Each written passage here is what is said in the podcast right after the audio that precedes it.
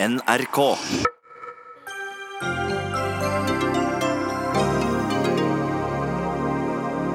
Han har brukt tolv år på å grave, og i dag la privatetterforsker Tore Sandberg fram det han mener beviser at Per og Veronica Orderud umulig kan ha mottatt drapsvåpenet.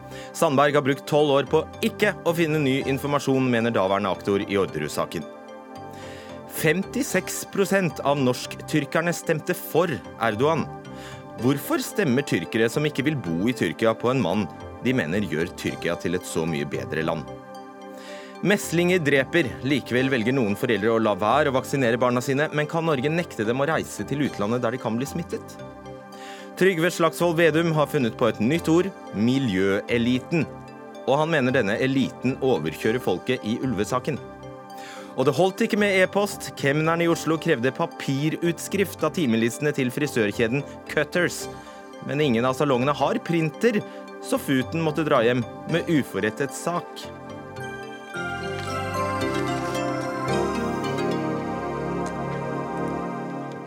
Vel møtt til Dagsnytt 18. Mitt navn er Fredrik Solvang. I dag holdt Per og Veronica Orderud pressekonferanse på Orderud gård, sammen med privatetterforsker Tore Sandberg. De hevder å ha nye opplysninger som de mener bør føre til en gjenopptakelse av saken. De kommer ikke med noe særlig nytt, mener statsadvokat og aktor i rettssaken den gangen, Olav Helge Tue. Tore Sandberg, privatetterforsker. Du har nå vært engasjert i denne saken av ekteparet Orderud. De er vel litt ekspar nå, strengt tatt, men i hvert fall av Orderud, Per og Veronica. I tolv år. Og du mener altså at bevisene dere legger fram i dag burde holde til en gjenopptakelse. Hvorfor det? Fordi vi har en hel serie med beviselementer som etter min oppfatning både tekniske bevis Eh, motivbilde for eh, drapene og en rekke nye opplysninger.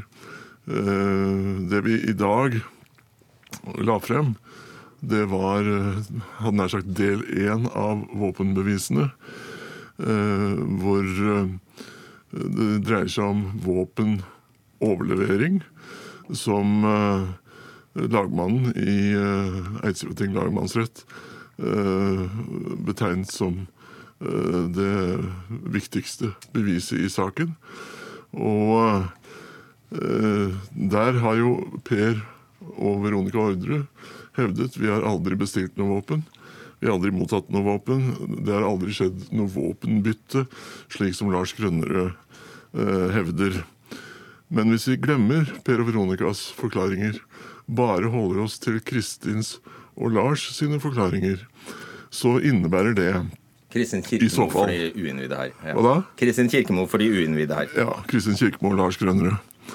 Eh, så innebærer det at i så fall så sitter Per og Veronica Orderud igjen med et tysk krigsvåpen. Og det har eh, Kripos sin eh, tekniske Nå, Jeg skal bare avbryte, for nå er det en telefon som durer her, så hvis noen kan knipe den, så er det fint. Ja, det ser ut til Det ser ut til å være min. da gjør vi kål på det. Sånn.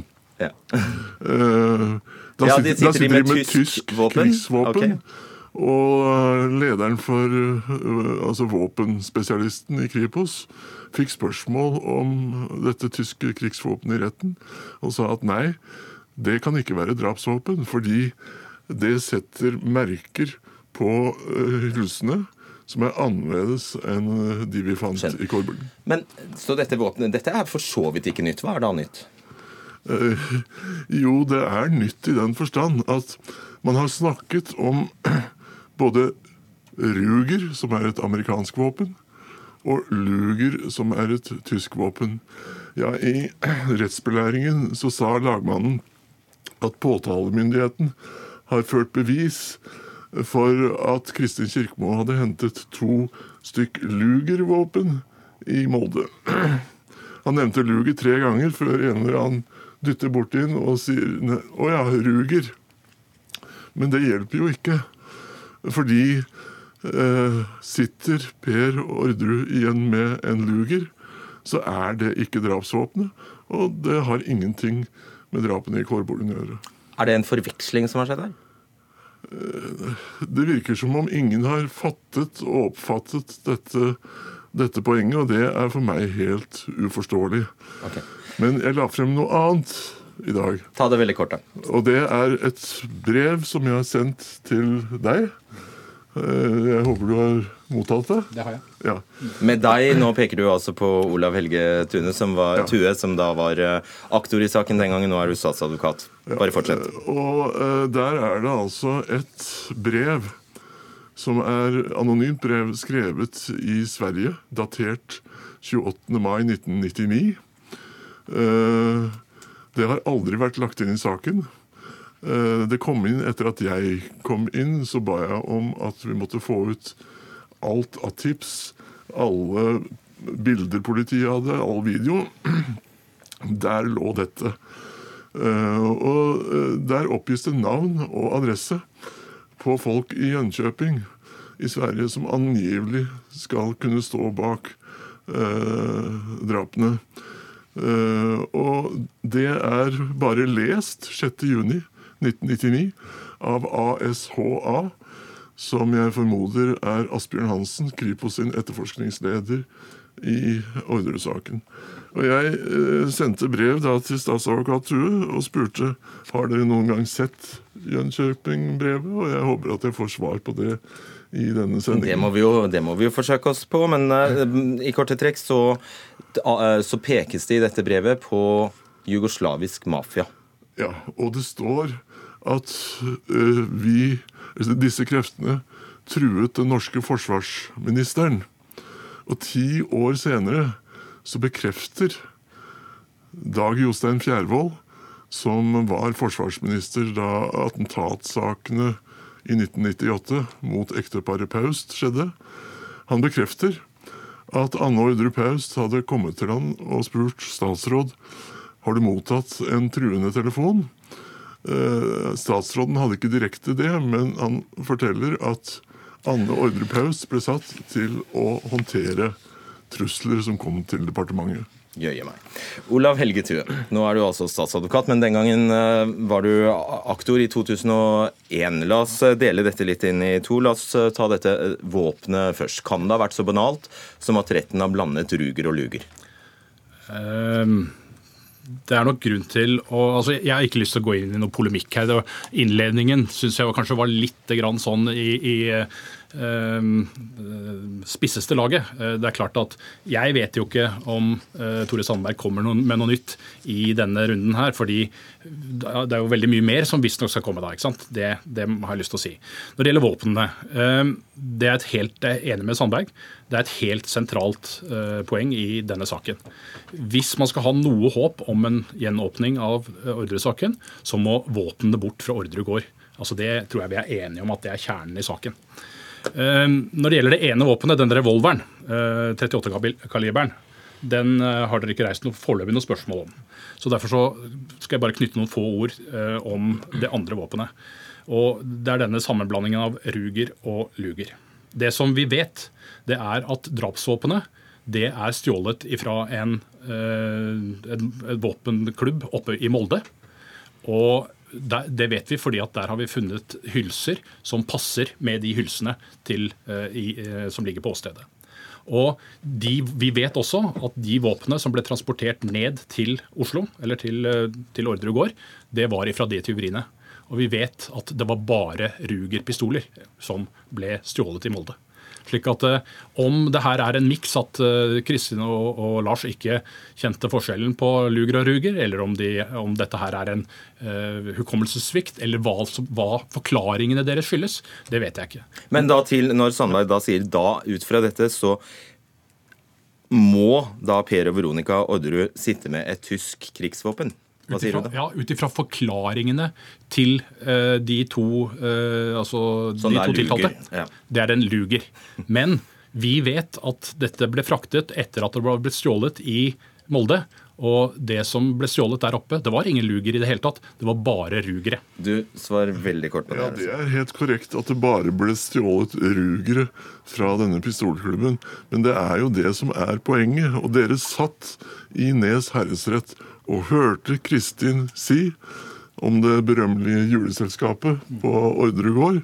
Så satt dere og hørte Kristin si at Lars viste meg at på det ene våpenet sto det Ruger, på det andre våpenet sto det Luger.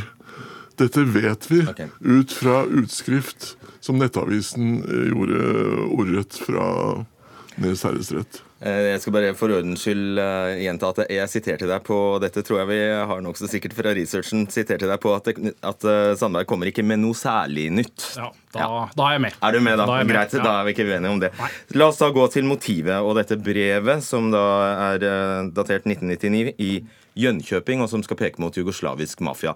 Stemmer det at det er, det, at det er nytt? Eh, Jeg vet ikke. Eh, For å være helt ærlig, så jeg tror ikke jeg har sett det. Det er svaret på det spørsmålet som eh, Sandberg stilte meg. Men jeg kan ikke garantere det. Det er i så fall 16-17 år siden jeg har gjort det. Jeg vet at det var en bunke eller en perm med tipp, forskjellige tips, og det kan ha vært i det. Men det ble i hvert fall ikke etterforsket. Det vet jeg ikke. Det må du spørre politiet om. Altså, det er grunn til å understreke at det er politiet som etterforsker sakene. Statsadvokatene fører dem i retten. Og vi eh, forholdt oss til saksdokumentene i all hovedsak. Men eh, du sa i et Brennpunkt-program her i 2009 at eh, status er at hvis det kommer noe som det er mulig å forfølge, så vil det forfølges aktivt. Eh, har dere, etter at dere har fått vite om dette, har dere tatt noe kontakt med politiet? Har dere spurt om det er eh, gjort noe annet enn som det står på dokumentet, lest 6.6.99? Eh, Jeg har vært i kontakt med politiet, det er helt riktig. Men uh, hva vi har planlagt Hva sier politiet da? Nei, Det har jeg ikke lyst til å avsløre her sånn. De, det er jo et enkelt spørsmål. De kan vel bekrefte eller avkrefte om de foretok seg noe etter å ha lest brevet? Eh, Han som leser disse, eller han som du nevner ved navns nevnelse, han er gått av med pensjon, så jeg har ikke fått tak i ham. Asbjørn Hansen. altså. Vi får nesten ta en telefon til Asbjørn Hansen en dag. Håper noen gjør det. Eh, Jeg skal bare introdusere deg også, Anders Giæver. Du er kommentator i VG. Var på pressekonferansen i dag. Fikk du hakeslepp av det Sandberg presenterte?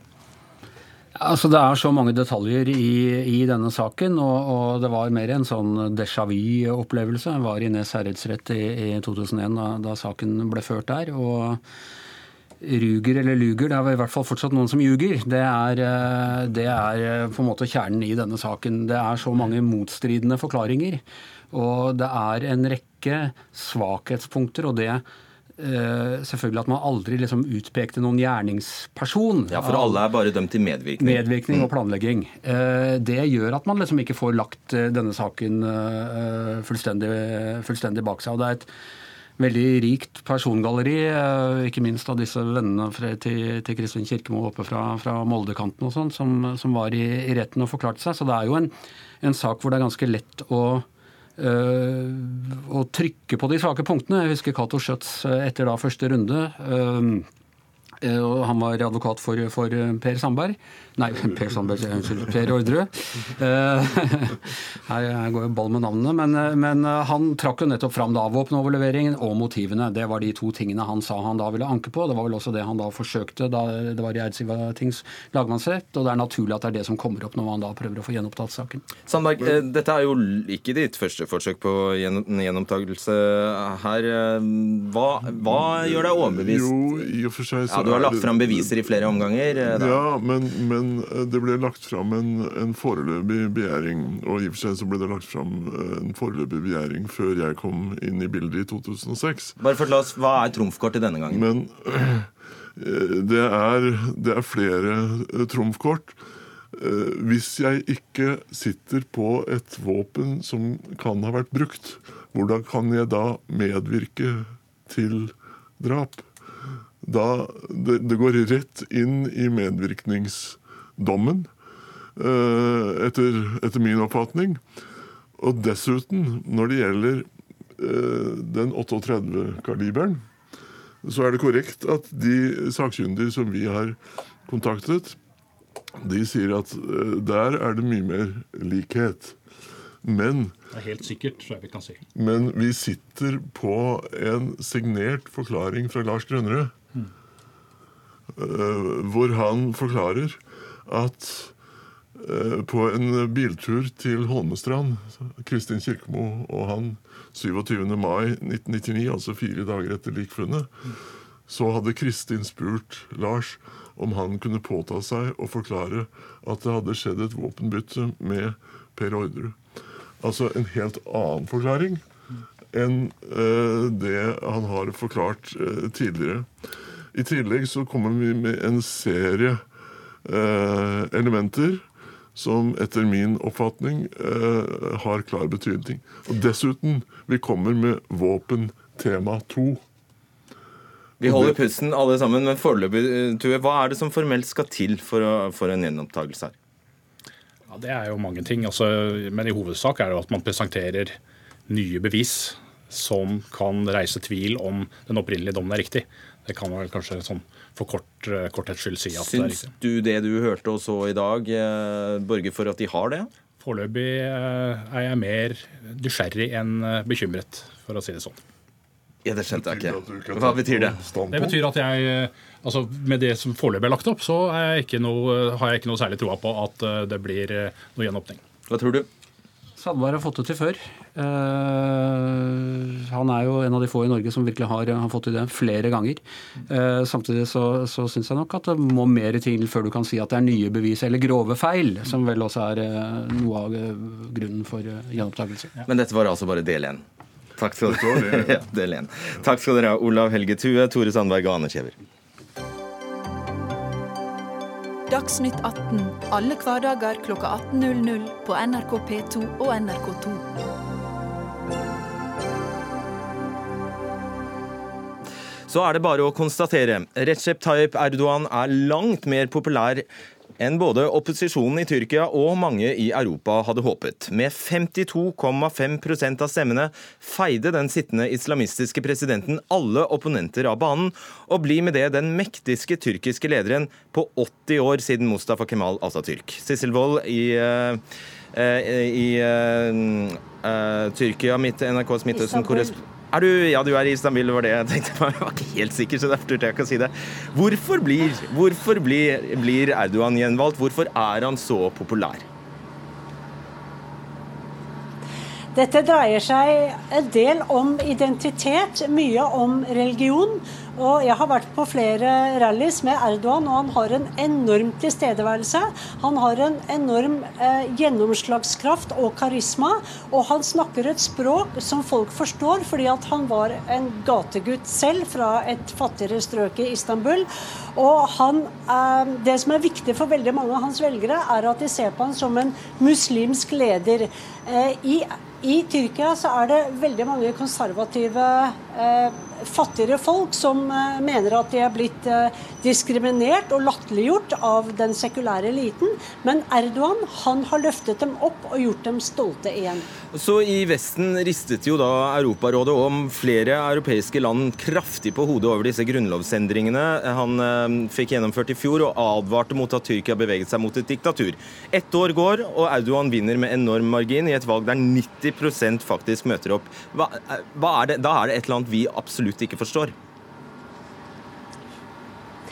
Det er overraskende, fordi i fjor så var det jo en folkeavstemning hvor Erdogan også ville at folk skulle si ja eller nei til at han skulle bli mektigere. Og selv om han eh, dominerte mediene nesten totalt, så vant han bare med 51,4% Nå er det i tillegg økonomisk krise, og de hadde gode opposisjonskandidater, og allikevel fikk han over 52% Men det er mange av hans tilhengere som elsker ham, de vil dø for ham. Jeg snakket senest med folk i dag som sa det. De vil gi sitt liv for ham.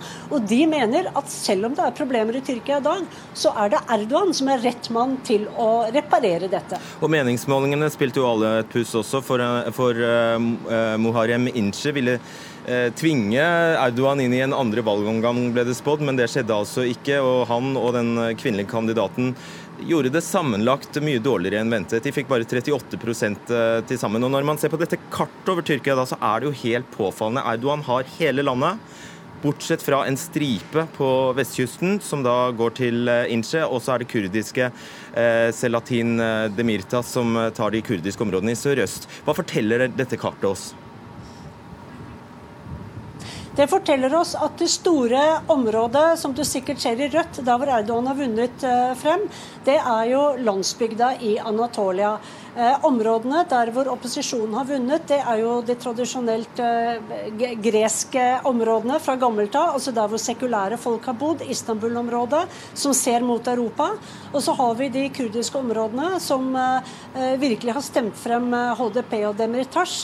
Så landsbygda, den konservative delen av Tyrkia, de er for Erdogan. Han vinner også stemmene til eksiltyrkere. I Tyskland, Nederland og Frankrike og her hjemme i Norge stemte 56,2% på ham. Uh, og Hjemme i Tyrkia så får han jo da eh, masse skryt for å ha gitt folk bedre levestandard, bedre, stor økonomisk vekst på 7 uh, nye broer, flyplasser, skoler, sykehus. Men hvorfor stemmer diasporaen på en mann som da leder i et land de selv ikke vil bo i?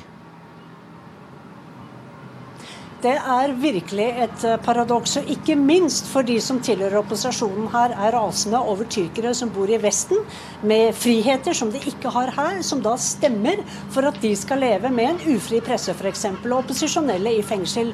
En forklaring er at veldig mange av tyrkerne i Europa, og kanskje særlig i Tyskland, eh, kommer fra den mer fattige landsbygda i Tyrkia, og de har på en måte eh, blitt boende i en tidskapsel, og de opplever mye diskriminering i Europa. Europa. Men Erdogan han gjør dem stolt, og han gir dem en slags boost. og Derfor så er de for Erdogan. Men kurderne, som f.eks. bor i Sverige, mange kurdiske flyktninger, de har da antageligvis ikke stemt på Erdogan. Selv om det er en del konservative og religiøse kurdere som stemmer på Erdogans parti. Da sier vi takk til deg eh, i denne omgang, eh, Sissel Wold. Og så minner vi om at, eller skal bare si det at vi får besøk av Bård Hoksrud litt senere i sendingen. Han kommer faktisk rett fra Tyrkia, der han har vært eh, valgobservatør. Han kommer nå, får jeg beskjed om. Er, er han på vei? Så hyggelig, da. Bård Hoksrud har altså vært uh, i, i, rasende fart innen studio her. Bård Hoksrud, du er altså stortingsrepresentant for Du skal få, få igjen pusten hvis du har løpt. Ja. Uh, du er altså stortingsrepresentant for uh, Fremskrittspartiet og kommer rett fra Tyrkia. Hvis jeg forstår det rett, har vært valgobservatør der for Organisasjonen for sikkerhet og samarbeid i Europa, som vi forkorter OSSE. Eh, det har jo vært en god del snakk om at også dette tyrkiske valget har foregått med en del uregelmessigheter. Hva kan du fortelle oss?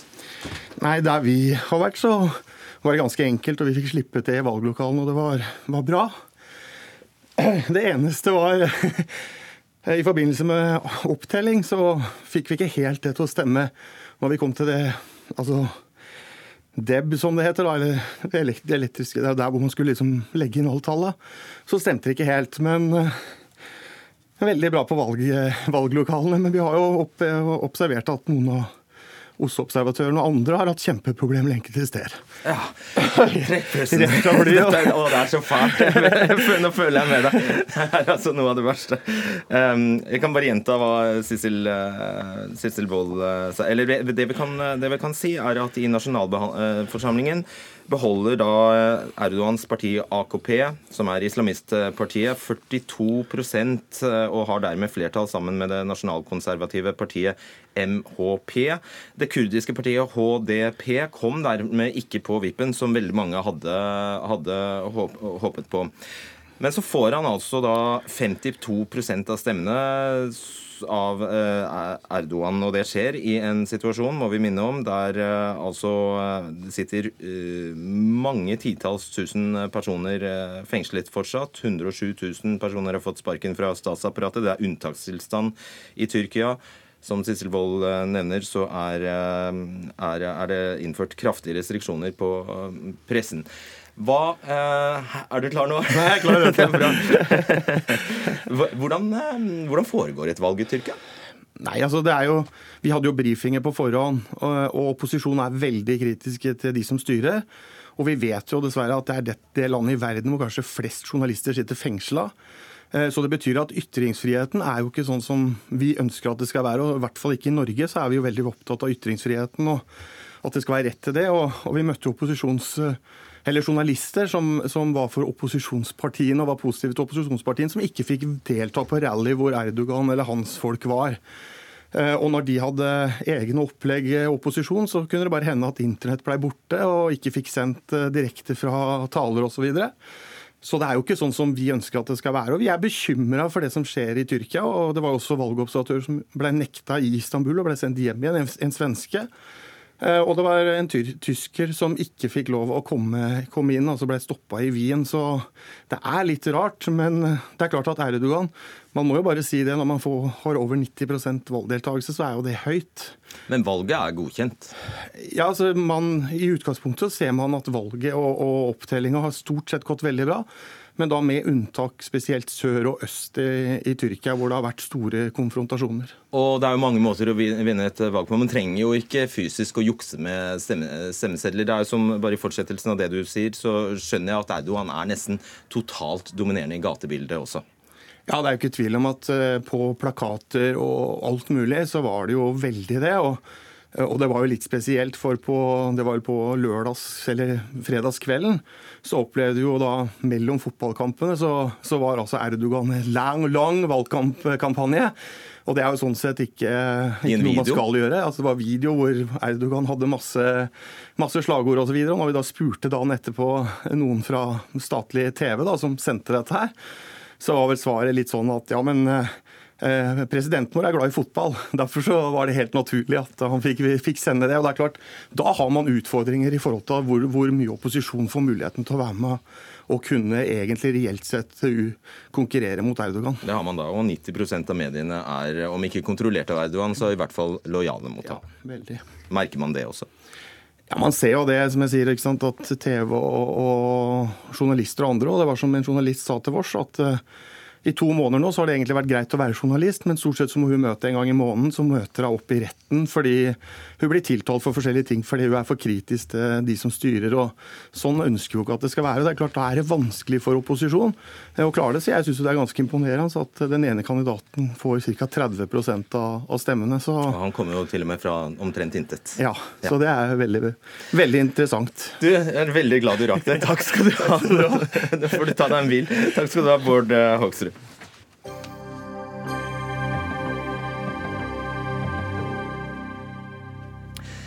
Vi må vurdere å nekte familier med uvaksinerte barn å reise til land med høy smittefare, mener Arbeiderpartiet, som sier det er for å beskytte barna våre mot smittsomme og farlige sykdommer. Partiet vil også at kommuner som selv ønsker det, kan innføre forsøk med obligatorisk vaksinering for barn under 16 år. Tone Tellevik Dahl, du er helsebyråd eh, i Oslo for Arbeiderpartiet. Dette forslaget stammer vel egentlig strengt tatt fra landsmøtet deres i, i 2015. Hva er det som har fått dere til å dra det opp av skuffen nå? Jeg er veldig glad for at eh, stortingsgruppa vår nå eh, endelig har fremmet et forslag om å utrede, utrede denne type tiltak, som gjør det mulig for kommuner som kanskje har lav vaksinasjons vaksinasjonsrate til å, til å gå litt eh, sterke til verks for å beskytte barna våre. Mm. Hva det, si hva du egentlig hva, hva, hva, hva, er det dere vil, egentlig? Altså, Skal alle barn da Hvem skal hindres utreise, f.eks.? Vi, vi, ønsker jo en opplyst og kunnskapsbasert eh, debatt. og Det er jo også derfor vi ber fagfolkene våre, bl.a. i Folkehelseinstituttet, om å gi oss gode råd på både hvordan vi skal gå fram for å sikre at vi kommer i en god dialog med foreldrene, og eventuelt hva sanksjoner eh, vi skal ha hvis man ikke møter opp til en eh, slik samtale. Det viktigste for meg meg som helsebyråd i Oslo, det er at jeg ser at færre og færre vaksinerer seg. Vi har bydeler som har betydelige lavere beskyttelse enn det Folkehelseinstituttet anbefaler. Så det er forskjeller mellom bydeler? Hvorfor store, er det sånn? Ja, det kan, du, det kan du, si. Men ikke sant, én bydel Nei, men i Oslo Hva er årsaken til det? Nei, det, er, det, kan være mange ulike årsaker. Og vi har nok ikke vært flinke nok til å spørre hvorfor foreldre ikke øh, vaksinerer barna sine. Uh, vi har full oversikt hvem som er vaksinert, men vi har ikke helt kommet i posisjon til å spørre alle hvorfor. Noen Men har vaksinemotstanderne klumpa seg sammen i noen bydeler, da? Det det, det, er, litt for enkel måte å si det på. Men det er klart, for noen er det en filosofisk tilnærming at man er rett og slett vaksineskeptiker. Andre er det nok kanskje at man ikke har god nok opplysning, og, og at man tror kanskje man beskytter barna sine ved å ikke vaksinere dem.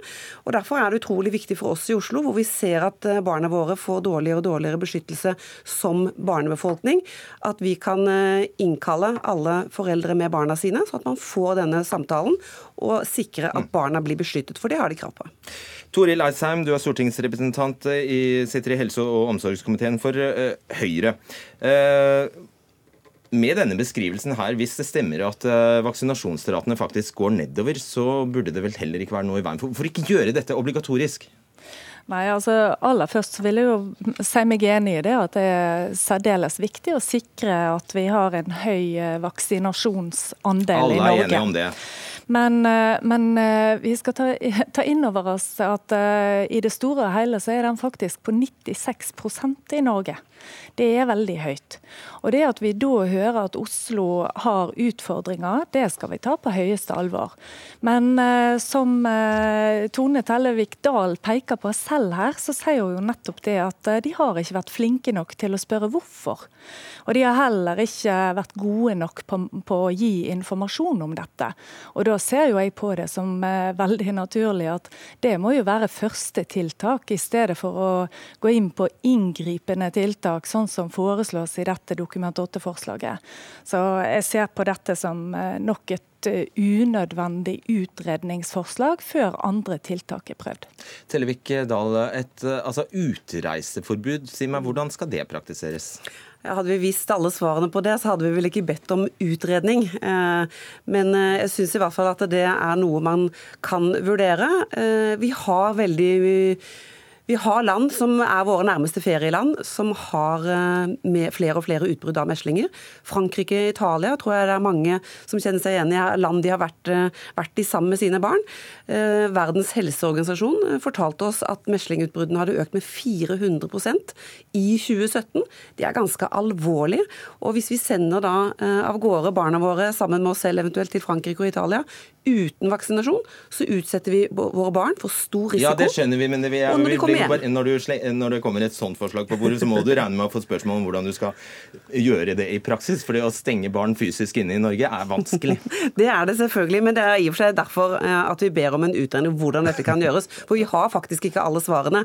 Men når vi vet at, at de barna som har fått meslinger, også de voksne som har fått meslinger i Norge, har fått det egentlig når de har vært på reise, så er det helt naturlig at vi også bestiller bestiller eh, noen utredninger på dette, okay. slik at vi kan redusere faren for at barna våre får dødelige sykdommer. Vær så god, Sam. Ja, ja, ja. Takk for det.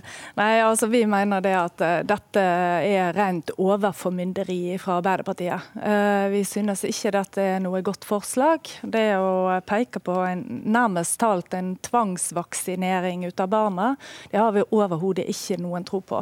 Vi tenker at uh, det er utrolig viktig å komme ut med god informasjon, og sikre at for, foreldre har stor forståelse for hvilken risiko barna påløper dersom de velger velger å ikke vaksinere barna sine.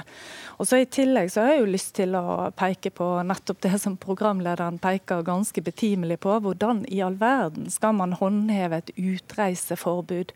Skal det stemples i passet, eller er det tollmyndighetene? Nei, dette er mye byråkrati og tull før man har satt i gang andre tiltak og prøvd ut om det faktisk vil fungere. Didrik Vestreim, du er eh, avdelingsdirektør og lege ved Folkehelseinstituttet. Hvilken vaksineringsgrad har vi i Norge?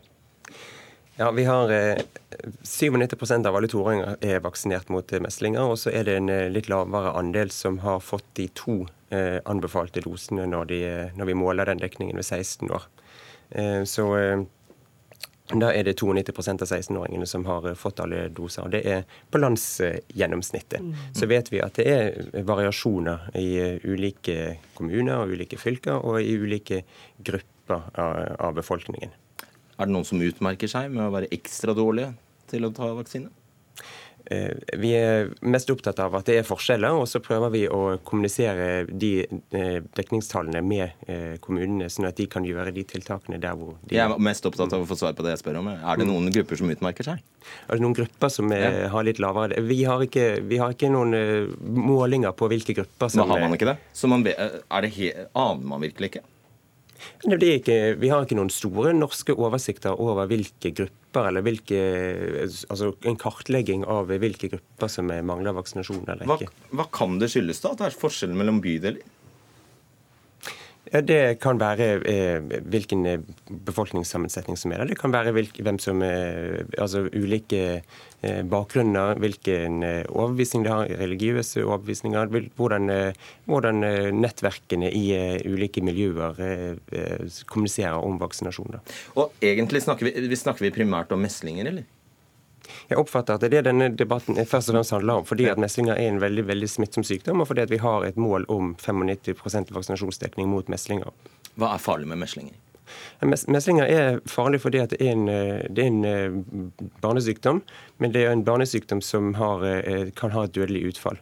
Så Før vi begynte å vaksinere mot meslinger på 60-tallet, så var det mellom fem og ti barn som døde hvert år i Norge av meslinger. Hvor mange pådrar seg det nå, da? Nå i, de siste årene har vi hatt eh, eh, mellom eh, ett og ti tilfeller i året. For å stille samme spørsmål til deg, altså Hvis dette er så viktig, og det er det jo, eh, ikke bare for egen helse, men selvfølgelig for alle man utsetter for smitte, hvorfor ikke gjøre det obligatorisk? Vi mener først og fremst at vaksinasjon bør være frivillig, fordi at frivillighet er det beste måten å bygge tillit til våre anbefalinger. Men hva skal du med tillit? Altså Det er jo som å si at eh, vi, eh, vi kan ikke innføre på bilbeltepåbud fordi det ødelegger tilliten til trafikkreglene. Altså, alt, alt, alle tjenester i helsevesenet er jo i utgangspunktet frivillig. Det er svært få tilfeller man bruker tvang i helsevesenet. Ja, Men dette dette er jo livsfarlig. Vi mener jo det at eh, for at vi skal overbevise og at vi skal kommunisere godt med de som tviler på de anbefalingene vi kommer til med, så må vi møte de som, eh, de som stiller spørsmål, de som tviler, de må vi møte på en god måte. Og det tror vi vi gjør best ved å bruke frivillighet. Mm. Uh, Tellevik Dahl, du sier at uh, Sa du at det, færre vaksinerer seg? Men uh, stemmer det at oppslutningen rundt vaksineprogrammet i stort går opp? Altså I Norge er den veldig bra. Vi har verdens beste vaksinasjonsprogram. Og snittallet i Oslo er også veldig bra. Men som helsebyråd så kan ikke jeg lene meg tilbake på, på snittall når det er veldig lav eh, dekning i én bydel, som kanskje er på størrelse med Tønsberg kommune. Eh, eller kanskje de tre bydelene da, som ligger under Folkehelseinstituttets eh, anbefaling. Det er like mange som Stavanger kommune. Og vil virkelig Norges helsepolitikere sitte stille når de ser kommuner av denne størrelsen ikke gi den beskyttelsen til barna våre som vi lett kan gi gjennom vaksinasjonsprogrammet?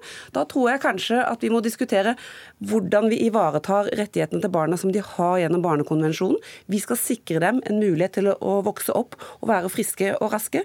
Vaksinasjon kan gjøre det deres barn til å, å være friske og raske og kunne leve opp eh, uten å få dødelige sykdommer, mener jeg er viktigere enn foreldres overbevisning. Da skal du få avslutte, Eidsheim. Hvis dette, altså Satt på spissen så kan jo dette da bli et valg mellom å foretrekke at folk dør av meslinger, eller bruke tvang. Er ikke svaret da ganske enkelt? Nei, Det er viktig å ikke overdramatisere. Altså, vi har som sagt vi har 96% oppslutning i dag, og vaksinasjon av barna det er de fleste foreldre svært opptatt av å ta sitt ansvar.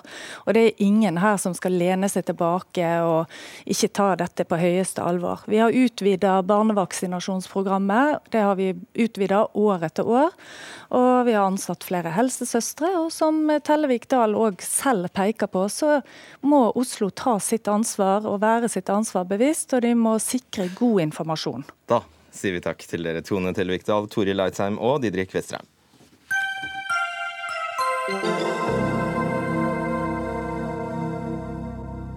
Denne våren stanset klima- og miljøminister Ola Elvestuen planene om å utvide ulvejakta utenfor ulvesonen for ikke å utrydde det som kalles genetisk viktige ulver. Gentestingen av ulven gjorde at tillatelsen til å skyte ulv, bl.a. i Nord-Østerdalen, ble utsatt. Og nå er vi i beitesesong, og det er lov å felle denne ulven igjen. Men det er ikke like lett å skyte ulven nå om sommeren, uten spor i snøen f.eks. Trygve Slagsvold Vedum, leder i Senterpartiet. Bare aller først, hvor mange ulv snakker vi om? Nei, nå er Det snakk om den ene, det er én ulv egentlig som har skapt all den trøbbelen nå i sommer. som vidt man vet. Og det, Én ulv? ifølge, ja, det er én ulv som har tatt ca. 160 sauer, som det nå skaper så mye bråk rundt. og Den, den ulven eh, hadde man en gentest på i april. Man så den, og så sa departementet og forvaltninga at dere får ikke lov til å skyte den før vi har tatt en gentest. Og så fikk man tatt en gentest. Men da, så, når da gentestsvaret kom, så fikk man lov til å jakte, men da var snøen borte, og det er umulig å jakte. Og nå har man tatt en ny gentest, og det er den, den ulven som Elvestuen da bidro til at det ikke ble felt i april, som nå har tatt 160 sau, som skaper enormt mye trøbbel. Er du for eller er- mot selve gentestingen, da? Jeg mener at den gentestinga er et uh, fullstendig avsporing. Vi har aldri hatt mer uh, ulv i Norge i nyere tid. Det er Rovdyrdata sjøl som sier det. Vi har en uh, historisk da, høy ulvebestand i Norge, og den, okay. den, vokser. Den er kraftfullt i vekst. Og så er det da utrolig uklokt når vi da har ulv inn i et beiteområde med ca. 70 000 sau, og så sier da Elvestuen og co. nei, dere må vente med å jakte på den ulven til snøen er forsvunnet. Og da er det ikke mulig å jakte mer på den. Og den har da drept over 160 sau nå, og det skaper masse lidelse, og det er helt uhørt måte å behandle både folk og dyr på. Ola Elvestuen, klima- og miljøminister fra Venstre, du kan bare få svar på dette her. Nei, først så uh, Slagsvold Vegdum, det han sier er feil. Du har ikke, noe belegg for at det er denne ulven som har skapt den situasjonen som vi nå har i Nord-Østerdal. Det er en situasjon hvor det er tap eh, av sau, og det er én eller flere ulver som er i området. Det vi vet, er at det er én ulv som kommer fra Sverige.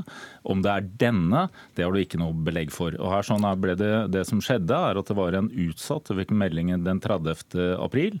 Den ble utsatt da, de fikk vel da fellingstillatelse omkring den 20 mai, så den har ligget der siden. Og Det har også vært gitt andre fellingstillater. når, når beitedyra er ute, altså er på beite, så er det gitt umiddelbar fellingstillatelse. Bare oppklar det, det med om denne gentestingen faktisk førte til en utsettelse, og dermed en så lang utsettelse at man ikke fikk skutt så mange ulv som man skulle? Ja, man, nå har vi i vinter hatt det største uttaket av ulv siden ulv ble freda i 1973. Det, skutt, det, ble skutt 28 i løpet av vinteren, og det er tatt ut to ulver også nå etter at det beites. Men nå ligger bestanden langt over målet? Ja, du kan se at bestanden i, i fjor så, det, så, ble det registrert 10,5 ynglinger. To av de ble skutt ut i fjor, så du har 8,5 yngling. Altså 2,5 over det som Stortinget har bestemt for 4 til 6. Så du ligger litt over. Akkurat som på de andre store rovdyra, enten det er gaupe, det er jerv eller bjørn, så ligger man under det som er eh, bestandsmålene. Ved, ved. Ja, men så Her vet jo Elvestuen veldig godt. Hvis vi tar den konkrete saken, så ble det jo da observert i slutten av april. Forvaltninga sa nei. Og, og, det ble tatt nå flere DNA-spor av akkurat den samme ulven i det området som har tatt nå 160 sau. Og det som er problemet det, det, det du sier er, feil, når, når Nei, nei, nå snakka jeg Ja, men det du sier er halv, feil. Jeg snakka for en halvtime siden med de som har ansvaret eh, for den offentlige jakta der oppe. Og de sier akkurat den samme historien. Og så får du sitte på kontoret ditt og si at det er feil, men da får du reise og møte de som faktisk gjennomfører jakta, de som tar DNA-testene, de som eh, finner kadaverne. Det er 40 mann som går nå og leter etter nye drepte dyr i utmarka.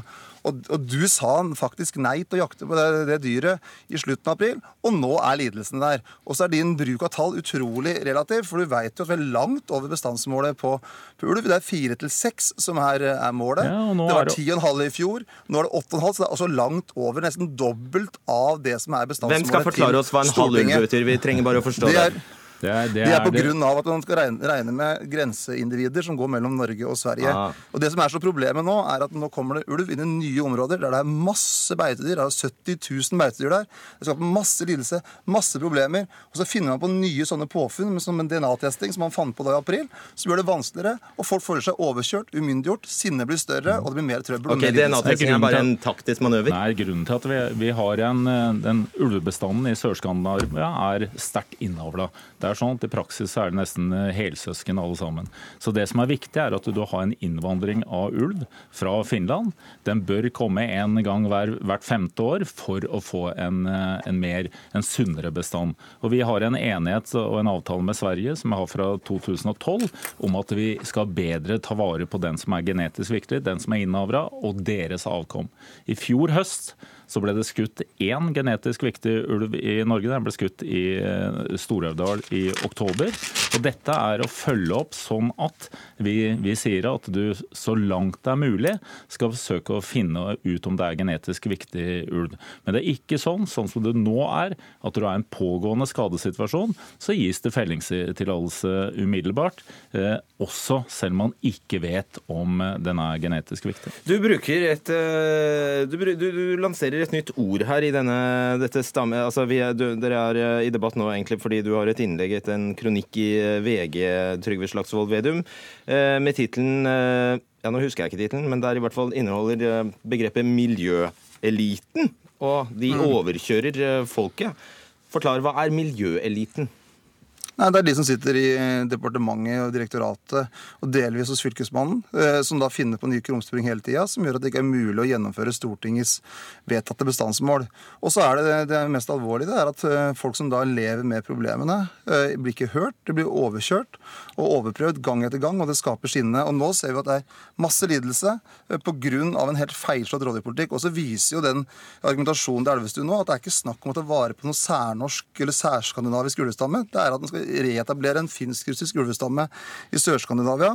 Og det er en sånn galskap av miljøpolitikk. Man burde heller diskutert hvordan man skal ta vare på norske ansvarsarter. Ja. Villrein, lundefugl, det er masse norske ansvarsarter som Norge har et ansvar for. Sitter Ola og så bruker man masse tid på ulv, og det skaper masse ja. lidelse. Vi skal, ha, vi skal ha ulv i norsk natur, og det er et bredt flertall. Og vi skal ha en levedyktig bestand i Norge. Det er det en bredt flertall om å gjøre.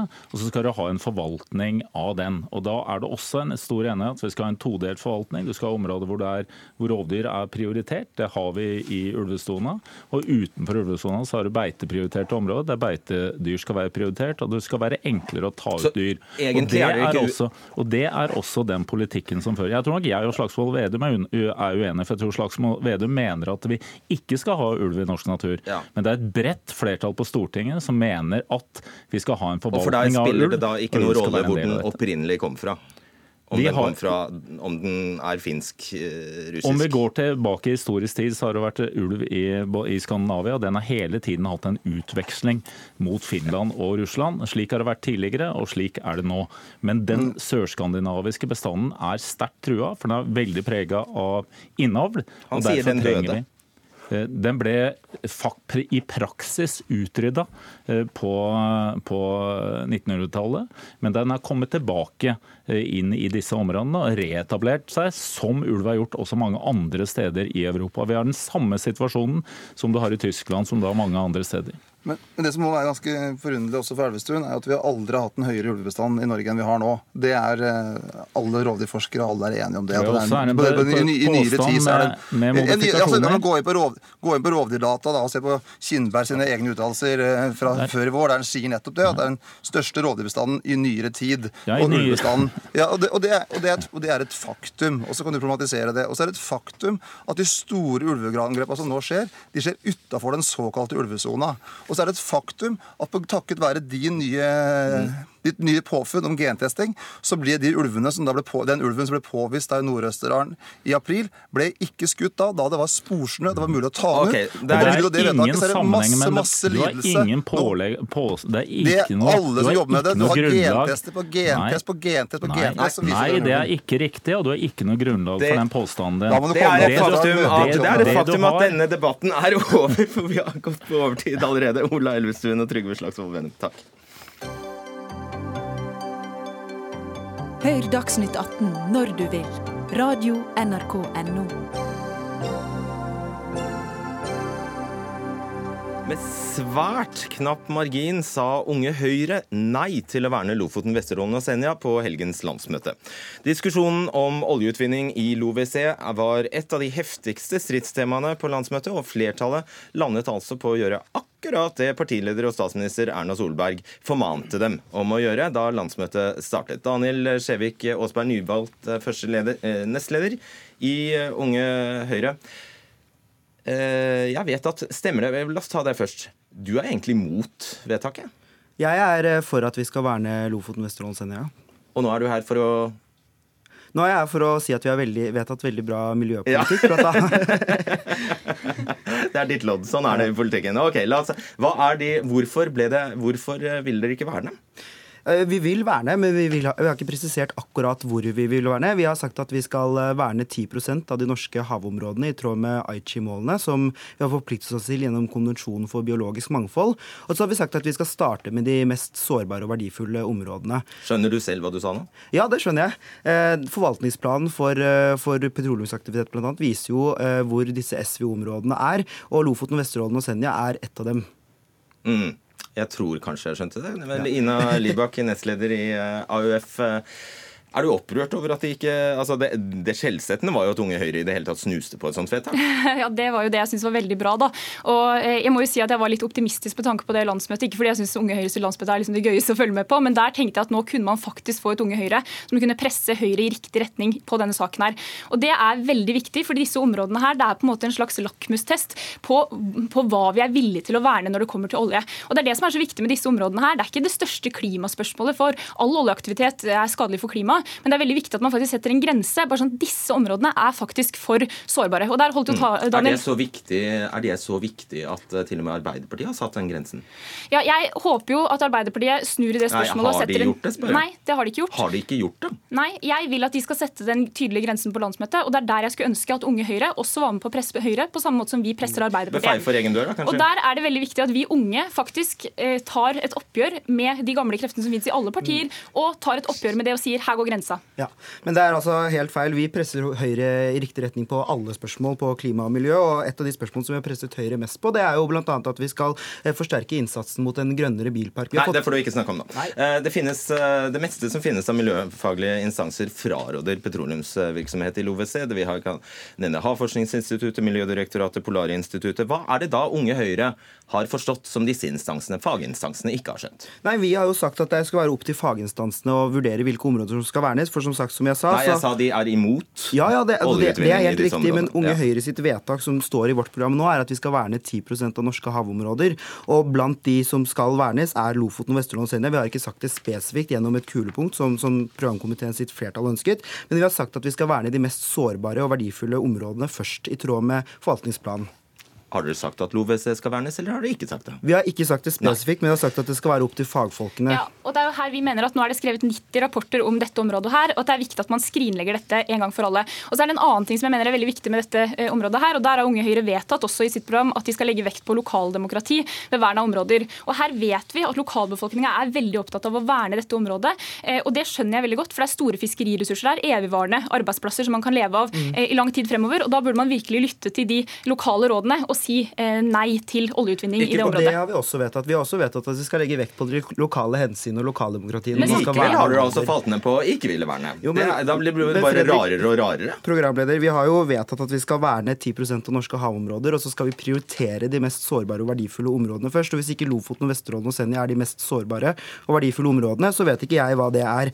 Eh, Og så syns jeg det er litt spesielt at oss på AUF Hvis man angriper hadde syntes dette. det hadde vært men- så jo, viktig men å verne de områdene, så kunne man skrevet i programmet. veldig- Dette har vært en debatt kjempelenge. Spesielt, Unnskyld, nå snakker jeg. Jeg syns det er veldig spesielt at AUF, angriper oss på dette med miljøvern. fordi AUF har jo selv ikke noe mer ambisiøst punkt i, i, i sitt eh, miljøprogram. I sitt miljøprogram så har de ikke sagt noen ting. Det står ikke et eneste ord om hvor mye de er villige til å verne, og hvor mye, hvilke områder de skal verne. Det, står, det, det eneste som står, er at de skal verne Lofoten, Vesterålen og Senja, og det syns jeg blir altfor snevert. Stemmer det? Det som stemmer er at Vi driver og skriver et miljøprogram som skal vedtas nå i oktober. når vi har landsmøte. Der kommer det til å være mye offensivt. Men akkurat denne saken her nå, det handler om at dere har ikke vært villige til å si at dere skal verne disse sårbare områdene. og Det hadde vi trengt. Nå er det Høyre, Frp og Venstre i regjering. De ønsker å pumpe opp masse olje. og Da hadde vi trengt et Unge Høyre som sa Ah, nei, her går grensa. Vi, eh, du, du vet hvor flaut det blir om du ikke først vedtar, det, vedtar dette selv, og så dernest får Arbeiderpartiet med på det. Du skjønner hvor flaut det blir? Ja. Da møtes vi igjen da. Da møtes vi igjen da. Takk, Ina Libak og Daniel Skjevik Aasberg.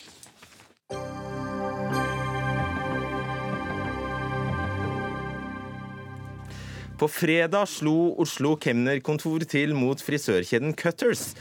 Med hjelp fra politiet dukket kemneren opp på tre av salongene i Oslo for å kontrollere timelistene, skriver Dagens Næringsliv i dag. Timelistene fantes, de, men ingen printer. Og det ble det, og det, ble det litt vanskeligheter av. Andreas Kamøy, daglig leder i Cutters, hva var det som skjedde? Nei, det som skjedde var jo På fredag formiddag så fikk jeg en telefon fra en eh, god kollega av meg eh, om at da sto politiet der og kemneren. Eh, og de skulle da kontrollere timelistene våre, og så skulle de printe ut timelistene. Mm. Eh, men vi har jo ikke printer i våre salonger, så Hvorfor? det ble litt vanskelig. Hvorfor har du ikke printer? Nei, Vi har jo ikke behov for printer i 2018. Vi lever jo i et elektronisk samfunn, så alt informasjon finnes jo elektronisk. Så da snakket jeg, fikk jeg snakke med denne politibetjenten. Og da ga da beskjed at jeg kunne sende til henne som PDF på hennes e-post, men det var ikke interessant. Det ville de ikke ha. Det ville de ikke ha. De sa det, I loven så står det at det skal printes ut på papir. Ja, Men, og du må jo forholde deg til loven, så da gikk du vel og kjøpte deg en printer til 299 kroner? Nei, vi kommer ikke til å forholde oss til uh, denne type lover. Altså, uh, man må jo kunne liksom ja, ha Nei, noe skjønn. du velger hvilke lover du vil forholde deg til? Jo da, altså, men her finnes det et veldig godt digitalt alternativ. Uh, som vi da ja, ønsker oss å formidle fram at ja, det handler litt om sunn fornuft også. Eh, det er vel strengt tatt ikke loven vi snakker om, det er forskrift om bokføring, paragraf 856, første ledd, personalliste som føres elektronisk, skal umiddelbart kunne skrives ut på papir. Og det er jo en hensikt med det, du skjønner den hensikten? Ja, men å sende ting digitalt oppfyller også denne hensikten. Nei, Da kan du kludre med det? Nei, ikke med en uh, godkjent treårsprogramvare, sånn som vi bruker, f.eks. Mm. Har de purra? Nei, vi har ikke hørt noe fra de ennå. de ga seg? Vi vet ikke hva som skjer her. Nei. Kanskje de kom på, kanskje de kom på saken nå, da, når de hører, hører det her. Per Hanstad, du er administrerende direktør i Revisorforeningen. Og du mener denne saken vi skal legge til faktisk at verken skatteetaten eller politiet hadde noe særlig ønske om å komme inn. De hadde ikke ønske om å komme hit, rett og slett. Så derfor står det en stol ledig her. Per Hanstad, du er altså administrerende direktør i Revisorforeningen og mener denne saken er ganske, ja, illustrerer et større problem når det gjelder skattemyndighetene. Hvilket da? Ja, altså, Jeg mener jo at dette er et fundamentalt problem i forhold til mye av dagens regelverk. At en ikke forholder seg til at en er i 2018, som sies her, og, og at en har uh, fått digitale løsninger, ny teknologi, som legger til rette for helt andre løsninger. Og Dette er jo ikke noe nytt problem, at, at regelverket henger etter utviklingen av uh, eller utviklingen i teknologi. Men, men dette er jo uh, på sin tankegang og en måte å tenke på som jeg syns ikke er bra. Og da skal man kunne ta loven i egne hender? Nei, det syns jeg ikke du kan. Men, men, i det tilfellet, så jeg tenker jo i det tilfellet som han beskriver her, så finnes det digitale lister. Dette dreier seg om personallister. da. Som du har et krav om å ha, og som du kan ha digitalt. da. Og Da kan jo bare kontrolløren se på skjermen på listene, og så kan han sjekke de som er på jobb, og så har du på en måte løst problemet. Har du, har du flere eksempler? Ja, så vi har, jo, vi har jo kjørt en kamp nå dette, med dette med papirkvitteringer, som, også, som, nå heldigvis da Skattedirektoratet har snudd på. da. Altså tatt til fornuften, som jeg uttrykker det. Hvor det var et krav om at alle Ethvert eneste salg i en butikk så skulle det skrives ut en papirkvittering, enten kunden ønska det eller ikke. Og med dagens teknologi, hvor betalingsløsningen er integrert med kassasystemet, så er det jo ikke mulig å få, få registrert en betaling på en betalingsterminal uten at du slår det ut på kassa. Ja, men det eksempelet der viser jo nettopp at skatteetaten er svært fleksibel. At de er De er fleksible. De, de ja, det, det satt langt inne, for å si det sånn. da. Og det er, der, der er flere eksempler på dette. og jeg tror på en måte, Det er to ting som jeg tror er viktige. For det første så tror jeg det er på tide at skatteetaten tar inn over seg at vi lever i 2018, at det er mange digitale løsninger. Og så tror jeg òg at vi må tenke litt annerledes konseptuelt i forhold til regelverket. Alright. I Trondheim banka de også på dørene deres, men der, der skjedde noe annet. Ja, der hadde vi en dialog etterpå. Så avtalte vi ja, vi sender over ting elektronisk til det, og det har ikke vi hørt noe siden etterpå. Så det har gått, ordnet seg helt fint der oppe. Eh, stemmer det ikke at dersom du, ville, dersom du faktisk ville trikse med listene dine, så kunne du brukt tre-fire minutter på å pynte på dem, og så kunne du sendt over PDF-en? Altså hvis man virkelig, Men det kan man jo nesten gjøre uansett. tenker jeg. Og når de kommer på kontroller og de ser at de er elektronisk stemplet inn, det er jo det det handler om. Kanskje de ikke har det programmet som viser Kanskje ikke har det riktige program, da? I skatteetaten. At ikke skatt, eller vi ikke har det? At skatteetaten ikke har riktig program? Det kan jo være. Uh, er dette god markedsføring? Altså, det, det, virker nesten som du ringte Dagens Næringsliv og tipset dem om, dem om, denne saken. Jeg aner ikke hvordan den saken ble, ble, til. Men er dette god markedsføring for deg? Du har reklamer om Kim, Kim Jong-un, og du er i, i, media fordi du trikser med Eller fordi du nek, nekter å kjøpe en printer. Nei, altså Vi opplever jo ikke som dette er jo ikke forsøk på liksom et reklamestunt, men det er jo forsøk på liksom å, å, lyse ut en problemstilling som åpenbart flere også er opptatt av. Ja, Men 299 kroner og lite blekk hadde du også måttet en gang, Kanskje det kommer én gang hvert tredje år. da, Hadde ikke kostet deg mye blekk heller. Nei, altså Det handler jo ikke om kostnaden her nødvendigvis. Det handler jo om ja, å gjøre liksom effektiv drift. Og når det finnes gode digitale løsninger, så Nettopp.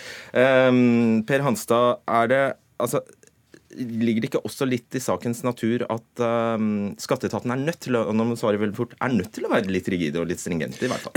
Ja, altså I utgangspunktet skal de håndheve regelverket som, som er vedtatt, da. men her tror jeg det er store muligheter for å, å gjøre noe med regelverket. Og, og der syns jeg skatteetaten godt kan prøve å anstrenge seg litt for å bli litt mer moderne. Vi får håpe de hørte på i dag. Takk skal dere ha, Andreas Kamøy og Per Hanstad. Denne Dagsnytt 18-sendingen er eh, over for i dag. Arnhild Myklebust, Hanne Lunås og Fredrik Solvang sier takk for oss, og god kveld.